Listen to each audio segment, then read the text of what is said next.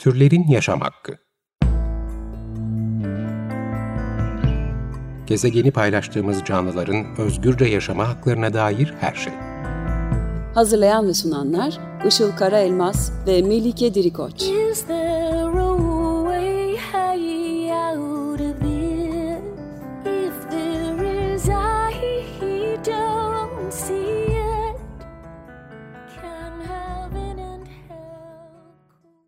Herkese merhaba. 95.0 Açık Radyo'da Türlerin Yaşam Hakkı programı başladı. Ben Melike Dirikoç. Savaş zamanları ya da şiddet olaylarının çok daha fazla görünür ve konuşulur olduğu zamanlarda bununla ilgili programlar yapmaya çalışıyoruz. Yaşadığımız zaman gereği böylesine kavramların geçmişte kaldığını e, düşünsek de mevcut dünya düzeni maalesef ki hala hemen her alanda yüksek derecede meşrulaştırılmış şiddet ve orantısız güç ilişkileri üzerine kurulu.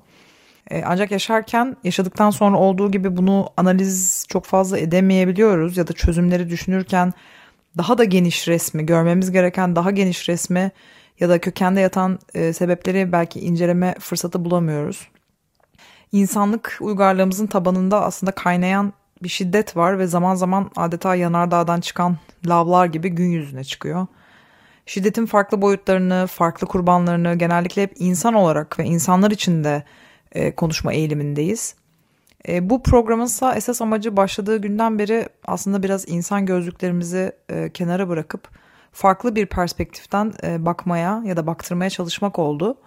Bugün de bu amaç doğrultusunda sizlerle bir deneme yazısından bölümler paylaşmak istiyorum. Deneme metni hayvan özgürlükçüsü ve anarşist yazar Brian A. Dominic tarafından 1997 e, yılında kaleme alınmış. Ancak günümüzde e, maalesef ki geçerliliğini hala koruyor. Metnin başlığı ise hayvan özgürlüğü ve sosyal devrim. Günlük hayatta şiddet. Çok az insan karşı gelecektir ki toplumumuz büyük ölçüde şiddete dayanmaktadır. Görünüşe göre ne tarafa dönsek orada şiddet, kurumsal güçler tarafından kontrol edilen medya imajları vasıtasıyla katlanarak artan bir algı mevcut. Şüphesizdir ki kültürümüzün ve varlığımızın bir parçası olan bu şiddetin üzerimizde belki de hiçbir zaman gerçek manada anlayamayacağımız boyutta derin etkileri vardır. Şiddete maruz kalanlar doğal olarak büyük bir güçsüzlük hissinden muzdariptirler. Gücün sosyal bir, bir kavram olmasından ötürü biz insanlar bunun bizim için ne anlama geldiğini gerektiği gibi anlayamıyoruz. Gücümüzde azalma hissettiğimizde tipik tepkilerimizden biri arta kalan kısıtlı gücümüzü öne çıkarmak oluyor. Baskının etkilerini içselleştirdiğimiz vakit onları da genellikle sadece birer zulmedici haline dönüşmek amacıyla beraberimizde taşıyoruz. Özellikle kendileri sömürülen kurbanların genellikle suç işleyen kişiler haline dönüştüğü de talihsiz bir gerçek. Bu sömürü fiziksel şiddet biçimini aldığında kendisini sıklıkla daha fazla şiddete çeviriyor. Bunu göz önünde bulundurarak evcil hayvanlara kötü muamele etmek gibi doğrudan ya da et yeme alışkanlığı gibi dolaylı biçimde hayvan istismarının sosyal şiddetle ilintisini açıkça görebiliriz. Kötü muameleye maruz kalmış insanlar diğerlerine karşı da aynı şekilde kötü muamele etmeye eğilimlidirler ve hayvanlar en kolay ve savunmasız kurbanlar arasındadır. Bu durum hayvanların refahı konusunda endişe eden insanlar tarafından sosyal baskıya karşı mücadele verilmesi için bir başka nedeni gözler önüne sermekte. Dahası bu sebep sonuç dinamiği iki yönlü işlemektedir. Hayvanlara karşı yine doğrudan veya dolaylı olarak şiddet gösteren kişilerin diğer insanlara karşı da şiddet göstermeye meyilli oldukları kanıtlanmıştır. Örneğin vegan ya da vejeteryan diyetle beslenen kişiler et yiyen kişilere nazaran genel anlamda daha az şiddet doludurlar. Evcil hayvanlarına kötü muamele eden kişiler de genellikle bununla yetinmezler. Çocukları ve partnerleri sıklıkla bir sonraki hedefleri olurlar. İnsan olmayan hayvanlara eziyet eden bir toplumun insanlara eziyet etmeyen bir toplum haline gelebileceğini düşünmek anlamsızdır. Bu sebeple hayvanlara karşı kötü muamelenin farkında olmak radikal bir sosyal değişim için olmazsa olmaz koşuldur. Günlük hayatta ötekileştirme. Baskının kökeninde ötekileştirme vardır. İnsanlar sosyal varlıklardır. Şefkat duygusunu hissetme yetisine sahiptirler. Sosyal rafağı ortak menfaatlerin olduğunu anlayabiliriz. Diğerlerine karşı empati kurabilmemiz sebebiyle bizi toplumlar, topluluklar ve bireyler olarak birbirimizle ya da insanı doğayla yarıştıracak olanlar yaptıklarımızın etkilerinden bizi uzaklaştırmaktadırlar. Bir insanı bir başkasına acı çektirmesi için ikna etmek zordur. Bir insanın bir insan olmayan hayvana sebepsiz biçimde zarar vermesi ya da kendi doğal çevresinde yapılan bir yıkıma doğrudan katılması için ikna etmek ise daha, daha da zordur. Bir toplum bir diğer toplumla savaşa girdiğinde her birine ait liderlerin kitleleri karşı toplumun değersiz ve insanlık dışı olduğunu inandırması kaçınılmazdır.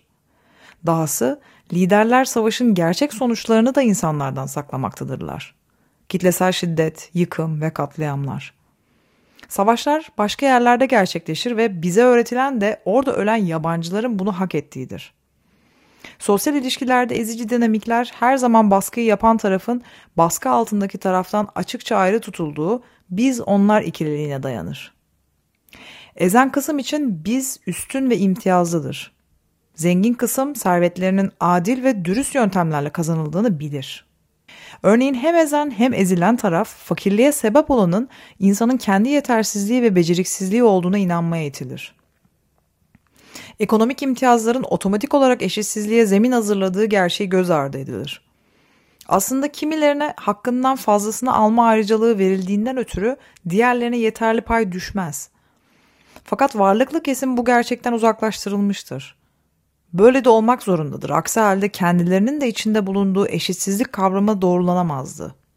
Bu her ezici dinamik için aynıdır. Böyle olmak zorundadır.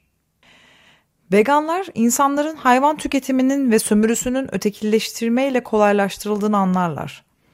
Eğer bu tür bir tüketimin gerçek etkilerini anlasalardı, insanların şimdi olduğu gibi hayvanların zararına ve acı çekmesi pahasına yaşamaları mümkün olmazdı. Geç dönem kapitalizmin tüketiciyi üretim sürecinden elimine etmesinin sebebi de tam olarak budur. İşkence bir başka yerde sıkıca kapalı kapılar ardında sürüp gider. Bu işkencenin kurbanlarıyla empati yapmalarına izin verilseydi, insanlar yaşamlarına günümüzdeki gibi devam edemezlerdi. İnsanlar veganlığın ardındaki basit mantıktan bile uzak tutulmalıdırlar bu yüzden. İnsan ve hayvan arasındaki, sanki kendimiz de hayvan değilmişiz gibi, biz onlar ikililiğini sağlayabilmek için bu yanlış ikililiği aşmak amacına hizmet eden basit argümanları duymamıza bile izin verilmemeli. Bizlere insanların karmaşık dil bilgilerini ve çetrefilli akıl yürütme stillerini kullanabileceği öğretildi. İnsan olmayanlar bunu yapamaz denildi. İnsanlar insandır. Tüm diğerleri ise en iyi ihtimalle yaratıktırlar. Hayvanları insanlardan aşağı yapan doğa değil, insanların hayvanların değerini bilinçli olarak düşürdüğü bir süreç olan aktif insan dışılaştırmadır. Neticede konuşma ya da entelektüel bağlamda akıl yürütme kabiliyetinin olmaması bebekleri veya ileri derecede zihin yavaşlığından muzdarip insanları her gün milyonlarca insan olmayan canlının çektiği eziyete maruz bırakmıyor. Kabul etmek gerekir ki insan ve hayvan arasındaki ikililik bilimsel olmaktan çok keyfidir. Beyaz ve siyah ya da kırmızılar veya sarılar arasında, yetişkin ve çocuk arasında, kadın ve erkek arasında, heteroseksüel ve homoseksüel arasında, yerli ve yabancı arasında ortaya çıkan ikililikten farkı yoktur. Çizgiler dikkatsizce fakat sinsi amaçlarla çizilmektedir ve bizleri çizginin bir tarafında olduğumuza ve bu çizginin başlangıç çizgisi olduğuna inandırarak yetiştiren kurumlar tarafından tasarlanmaktayız. Günlük yaşamda en temel aktivitelerimizin sonuçlarından uzak tutuluruz. Marketten yiyecek bir ürün aldığımızda içindekiler listesini okuyabiliriz ve genellikle üretim aşamasında hayvanların eziyete maruz bırakılıp bırakılmadığını veya öldürülüp öldürülmediğini söyleyebiliriz. Fakat o ürünü üreten kişiler hakkında ne öğreniriz? Acaba kadınlar erkeklerden daha az mı ücret verilmişti? Acaba fabrikada beyazlar siyahlara boyun mu eğdirmişti?